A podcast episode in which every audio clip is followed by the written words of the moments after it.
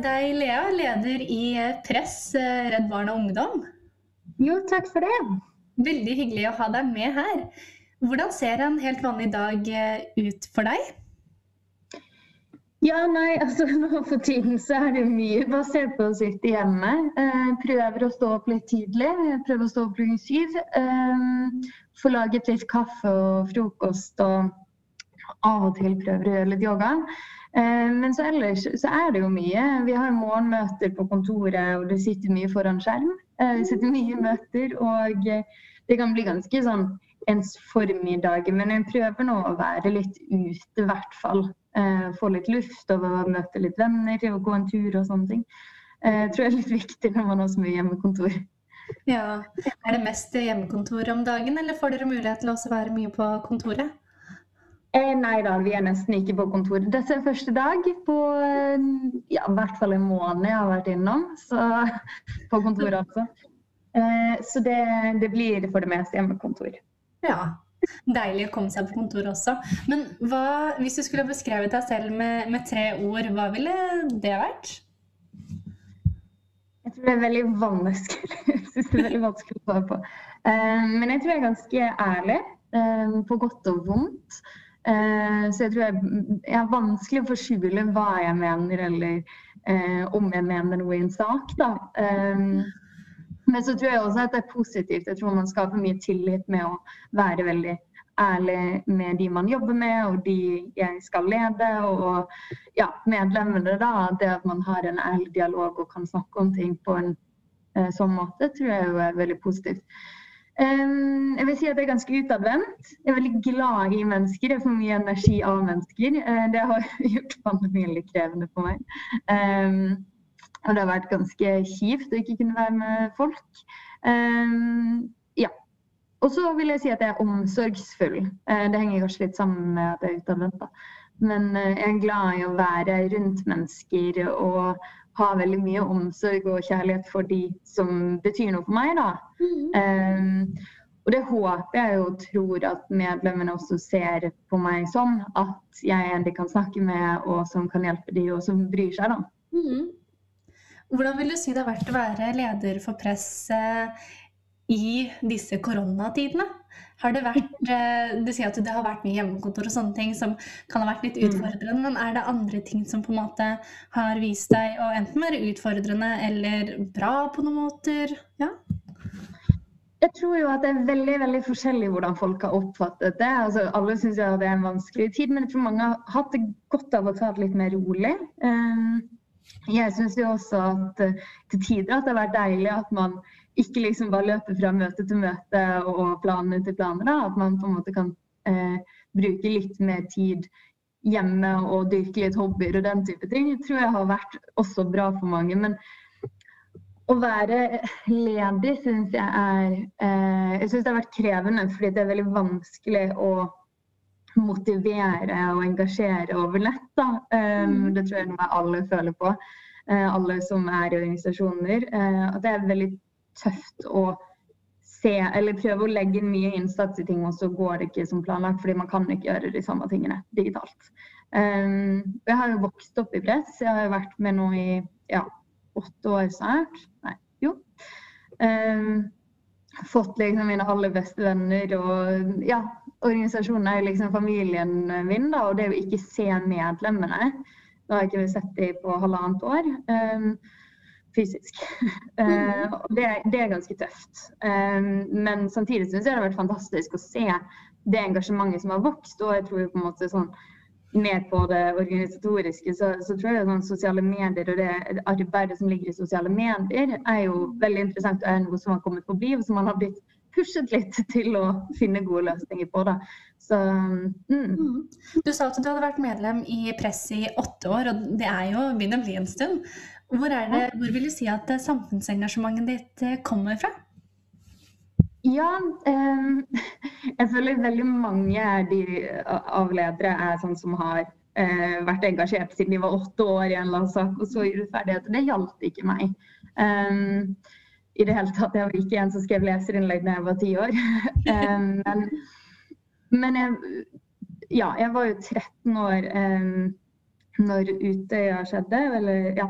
Uh, og jeg tror nok at det er en del av en ungdomsgenerasjon, eller de som var rundt den alderen, som fikk en veldig annen opplevelse av samfunnet. Um, og det var jo på en måte, det som skjedde, var jo et angrep på demokrati, og det var et angrep på barn. Uh, og noen av de verdiene som vi verdsetter så høyt i samfunnet. Uh, og det vekket et engasjement i meg, uten at jeg helt klarte liksom, Jeg visste jo ikke helt hva det betydde, eller hvordan. Mm.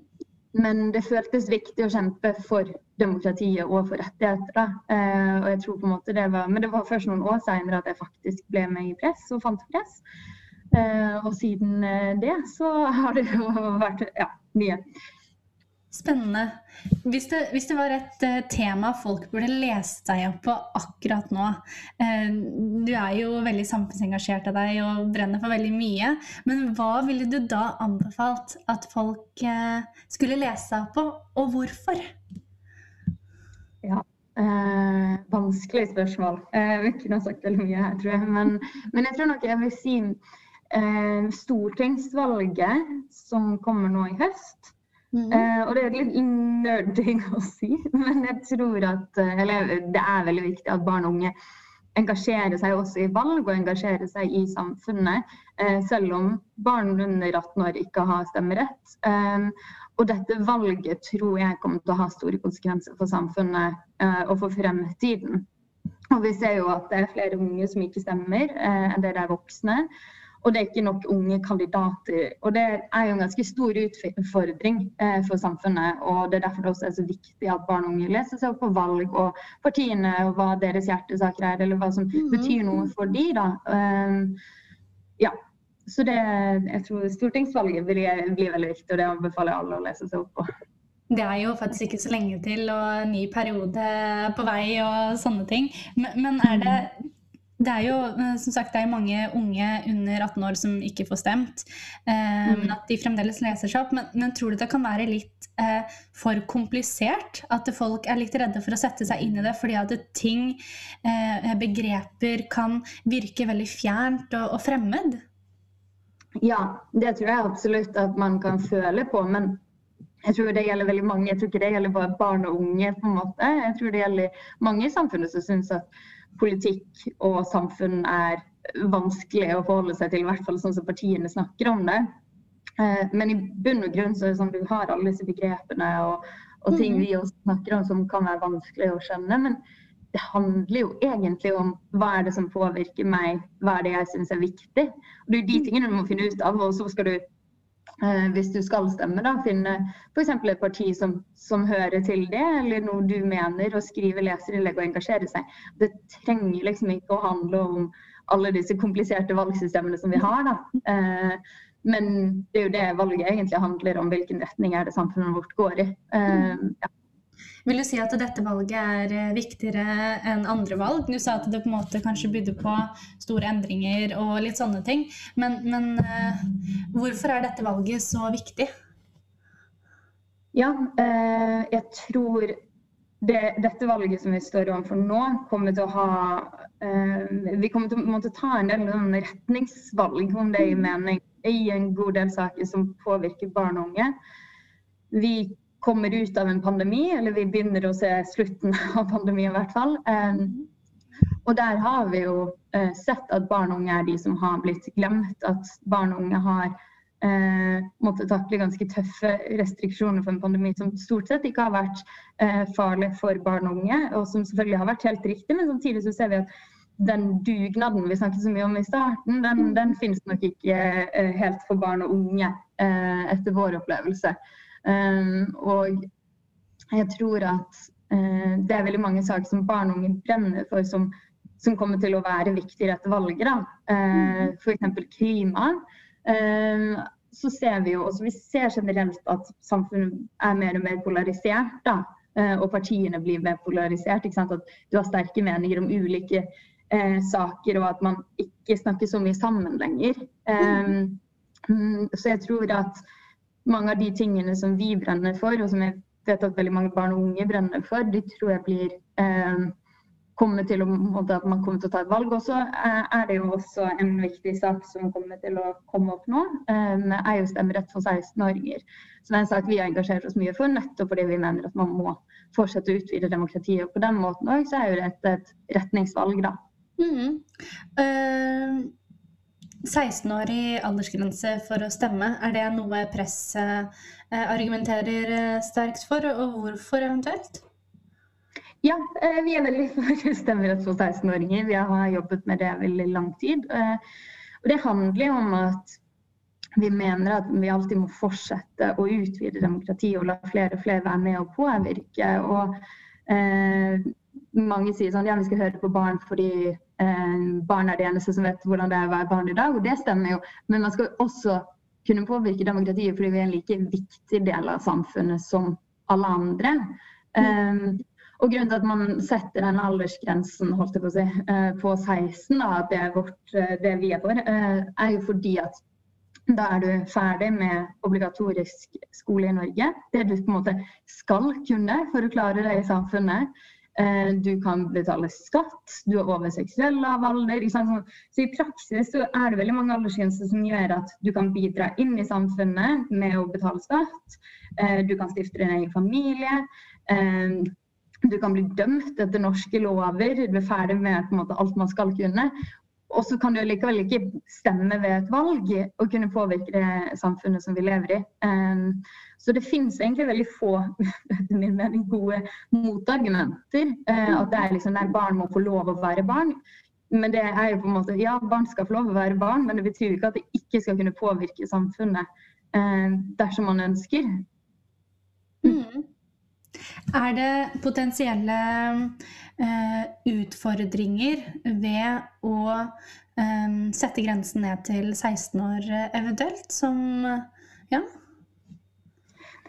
Eh, nei, godt spørsmål. Det må du kanskje spørre de som er motsom. fordi nei, Jeg mener oppriktig at det er veldig få som som kommer med reelle motargumenter på at det er på en måte det handler om at barn skal få lov å være barn, eller at man ikke vet nok eller ikke kan nok.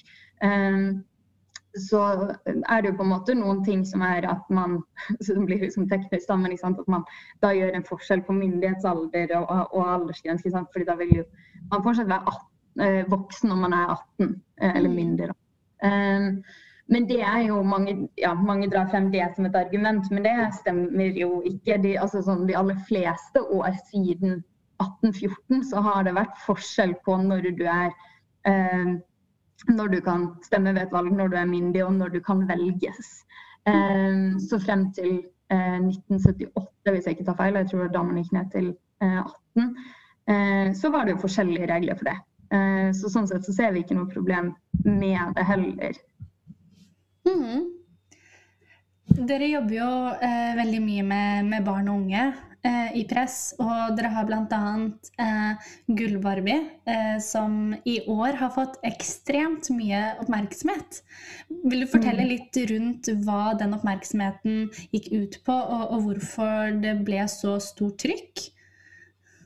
Ja. Um nå som jeg har fått det litt på avstand, nå er det jo noen måneder siden, eh, og på en måte ser det tilbake, så, ser tilbake på det, så syns jeg det er fantastisk det vi har fått til. Eh, og det er jo ikke bare liksom, vi som har jobbet med det i år, men viktigst av alt alle som har jobbet med det siden vi delte ut den første gullbarbien i 2010.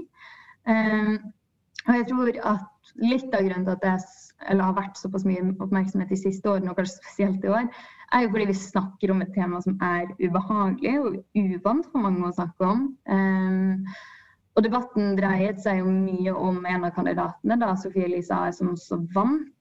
Um, men jeg synes den debatten man hadde rundt influensermarkedsføring og hvordan man kan regulere bransjen, og belyse nettopp det at influenserbedrifter er nettopp bedrifter som tjener penger på følgerne sine, altså som er kunder, uh, det var utrolig viktig. Uh, og Det er jo det Gullbarb egentlig handler om. Det er jo den debatten man skaper i samfunnet, og det å drive opplysning om, om disse uh, markedsføringskreftene spesielt. da. Um, og Vi så jo et enormt engasjement uh, både i samfunnet, men spesielt også blant barn og unge. Um, samtidig skal jeg ikke lyge, det var en veldig krevende periode. Um, våknet vel opp omtrent daglig eller hver dag med nye meldinger om hvor forferdelig organisasjonen var, om hvor forferdelig leder jeg var, og at vi måtte få noen voksne til å passe på oss. Um, og det var, ganske, det var ganske krevende med, med, de tingene. Det var også krevende at det ble så veldig steile fronter. Um, jeg tror det ødelagte for en veldig god debatt som man kunne ha hatt. Um, og, men uh, ja, og når Gullborg da var ferdig, uh, så var jeg ja, ganske ødelagt. Vi er jo en liten organisasjon, vi er jo ikke vant til den type medieoppmerksomhet og den type press. Um, og jeg tror ikke jeg var på jobb på nesten to uker. Jeg var veldig nedbrutt og det var tungt å kjenne på. Men det er liksom det at når jeg fikk det litt på avstand og så hvor mange som faktisk engasjerte seg, og så bak alle stygge kommentarer og meldinger og mailer og alt som var, så var det veldig mye støtte i samfunnet. Um, og jeg tror at det var en veldig nødvendig debatt å ha, og et viktig tema å ta opp. For det er nesten ingen som snakker om disse tingene. Eh, og som snakker om sosiale medier og hvordan det påvirker oss eh, når det faktisk er et av de stedene hvor barn og unge er mest, og som er mest dominerende i vårt liv. Mm. Det er jo eh, influensere tar jo opp en stor del av hverdagen til unge, med tanke på at de blir sett i sosiale medier og, og sånne ting. Det er jo, eh, Om ikke det er feil, så skal det fremmes et forslag i Stortinget om merking av retusjerte bilder, reklamer og sånne ting. Hva, hva tenker press om dette, eller hva tenker du om det? Nei, vi er jo kjempeglade for det. Det er jo faktisk et gjennomslag som kom fra oss. Vi lanserte en en rapport i 2018, Prosjekt Perfekt het den, som tok for seg da psykisk helse, kroppspress og sosiale medier en del av disse mekanismene. Uh, der et av de tingene vi eh, foreslo, var nettopp merking av retusjert reklame. Um, og det har jo tatt litt tid, som politiske prosesser gjør. Men vi ble veldig glad når vi eh, da eh, så at dette forslaget var også utarbeidet på en ganske god måte, men at det også f.eks. skulle gjelde eh, merking av retusjert reklame på sosiale medier. Og så er det jo mange dimensjoner som er vanskelig hvordan man skal gjøre det i praksis. Men, men det at reklame ikke kan retusjeres, Ehm, og at man i hvert fall skal vite hva som er ekte og ikke. Det tror jeg er kjempeviktig når vi ser på det presset i sosiale medier og det skjønnhetspresset som er der. da. Ehm, så vi er veldig veldig glad for det. Ehm, og det ser vel ut til at det også kommer til å gå gjennom. Så det er vi glad for. Hvordan, eh, hva tenker du om eh, dagens eh, debattkultur? Du sa jo at det var litt tungt å stå i dette med Gullbarbie, at du opplevde mye rundt det. Syns du at dagens debattkultur er på avveie? At det på en måte har gått litt over stokk og stein? Hva er dine tanker rundt det? Ja, jeg tror jo på noen områder så har man kommet lenger på hva som er på en måte greit og ikke. Um, men det vi har sett under pandemien, har skremt meg litt. Um, og så er det viktig å huske at det, det, det skjedde, altså, alle disse tingene har skjedd mye før pandemien, og så kommer det kanskje spesielt til uttrykk når vi blir eh, såpass digitalisert som vi har vært eh, det siste året. Um, men barn og unge vokser jo opp med alle mulige liksom, teknologiske verktøy, og eh, sosiale medier er veldig dominerende i vårt liv. Eh, vi snakker ikke lenger om på en måte, digitalt liv og den virkelige verden. Det er på en måte en integrert del av oss. da. Eh, og Samtidig så får vi sjokkerende lite opplæring, veiledning eller noen form for retningslinjer egentlig for våre digitale liv. Um, og her så mener jeg at debattkulturen går i feil retning. Um, jeg tror jeg aldri har lest et eneste leserinnlegg fra en ung person uh, uten at hele kommentarfeltet er fylt opp om hvor egoistisk man er, uh, at man bare tenker på festing eller bare tenker på seg selv, at vi ikke vet bedre. Uh, ja. Og at vi kommer til å lære liksom, eller forstå ting når vi blir eldre, og at vi heller burde bry oss om andre ting nå som vi er unge. Uh, og dette er voksne mennesker som da bruker alder som et argument for at man ikke skal kunne uttale seg, eller at det man uttaler seg om ikke er relevant, istedenfor å diskutere en sak. Um, og Det tror jeg har store konsekvenser. og Forskere også peker jo på at unge er eksponert for et hardere debattklima. Um, og at man ser trusler på sosiale medier når unge ytrer seg. Um, Bl.a. på TikTok og Instagram og Snapchat. Um, og det handler jo ikke om at det ikke skal være altså sånn, Eh, at det skal være greit å si hva som helst. Men vi ser at mange barn og unge tier i debatten fordi at man er redd for hatmeldinger og stygge kommentarer. Og da blir det et demokratisk problem når det er unge det går hardest utover, og at man da velger å ikke uttale seg og delta i den debatten. Um, og tall viser jo at hele 76% av barn og unge aldri har deltatt i en debatt om politikk eller samfunnsspørsmål. Eh, og man har jo også hatt et sånn ytringsfrihetsråd eh, for ungdom, som selv også peker på at de er særlig bekymret for omfanget av netthets. Og netthets og nettmobbing og alle disse tingene og dårlig debattkultur eh, mm. gjelder jo generelt i samfunnet, men jeg tror det går hardere utover barn og unge eh, og måten barn og unge blir omtalt på eh, som, som ikke er greit. da. Mm. Hva vil du si er det viktigste barn og unge kan bidra med i det offentlige ordskiftet? Du peker på mange utfordringer her, og at det kan være større terskler for å ta del i samfunnsdebatten. Men mm. hva er det viktigste barn og unge kan bidra med altså sånn, eh, i samfunnsdebatten og i det offentlige ordskiftet? Ja, eh, jeg mener jo at det handler om noe så fundamentalt som at man er en like stor del eller en viktig del av samfunnet som det voksne er. Og man lever like mye i det samfunnet som det voksne gjør. Eh, barn og unge, eller barn under 18 år, tilsvarer eh, 20% av Norges befolkning. Altså en femtedel av Norges befolkning. Hvis vi i tillegg legger til da 18 til 25, som på en måte vi kategoriserer som barn og unge, eller 18 til 30 også for så vidt, som også kan være en definisjon på det, så er det en ganske betydelig andel av samfunnet. Uh, og så ser vi likevel at en god del voksne og politikere og beslutningstakere generelt ikke er så interessert i hva vi mener og hva som interesserer oss. Um, og barn er jo det eneste som vet hvordan det er å være barn i dag. Um, gjennomsnittsalderen på Stortinget er vel rundt 46, om jeg ikke tar feil. Uh, som tilsvarer at gjennomsnittlig av de fleste som sitter på Stortinget i dag, vært, vokst opp på 70-80-tallet, som er en helt annen hverdag enn det vi eh, vokser opp i dag. Eh, og ofte så blir barn og unge også sett på som at eh, eller satt i en bås som at sånn, ja, vi er én generasjon med ett politisk prosjekt. Eh, og at vi har liksom samme politiske meninger, samme interesser, samme generasjonstrekk.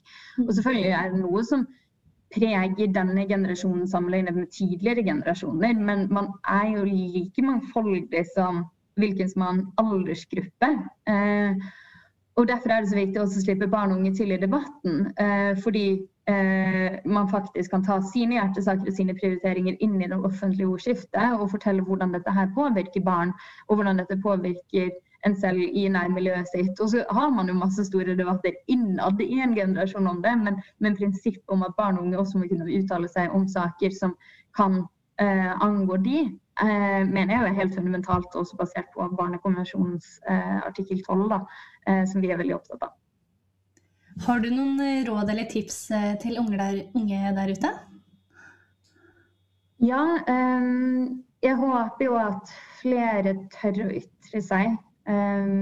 Samfunnet må høre på det vi har å si. Og jeg håper jo at flere barn og unge tør å ta det steget, selv om det er veldig krevende og det er mye hatkommentarer som kommer, eller kan komme av det. Det gjør jo ikke alltid det.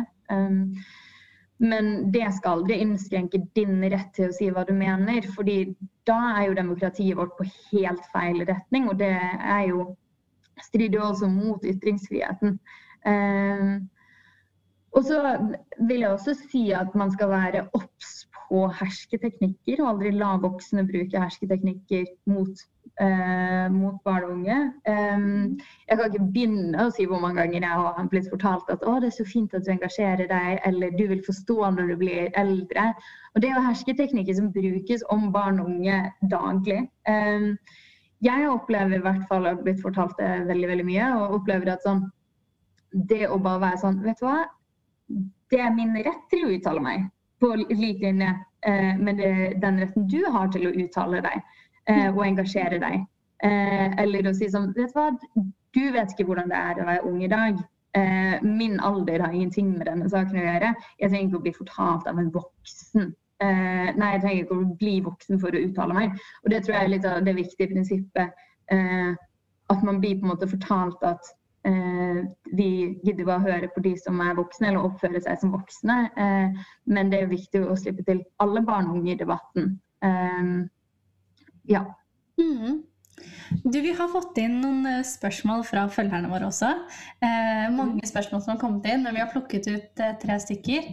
Og første person lurer på hvorfor eh, et generasjonsoppgjør er viktig. Ja, eh, vi har sluppet en kampanje som heter Generasjonsoppgjøret. Eh, grunnen til det er at det, litt som vi nettopp snakket om, da, at vi ser den debattkulturen og hvordan man snakker om barn og unge i dag som er veldig på gal eh, vei. Da. Eh, og så tror jeg jo at eh, det viktige prinsippet er at sånn, vi må tydeligvis fortsatt fortelle voksne at vet du hva, vi er en like stor del, som, stor del av samfunnet som det voksne er, og en viktig del av samfunnet. så generasjonsoppgjøret handler jo ikke om at nå må man bare høre på barn og unge, men det handler om at vi har lik tilgang på å kunne uttale oss og like muligheter til å kunne prege det samfunnet vi lever i.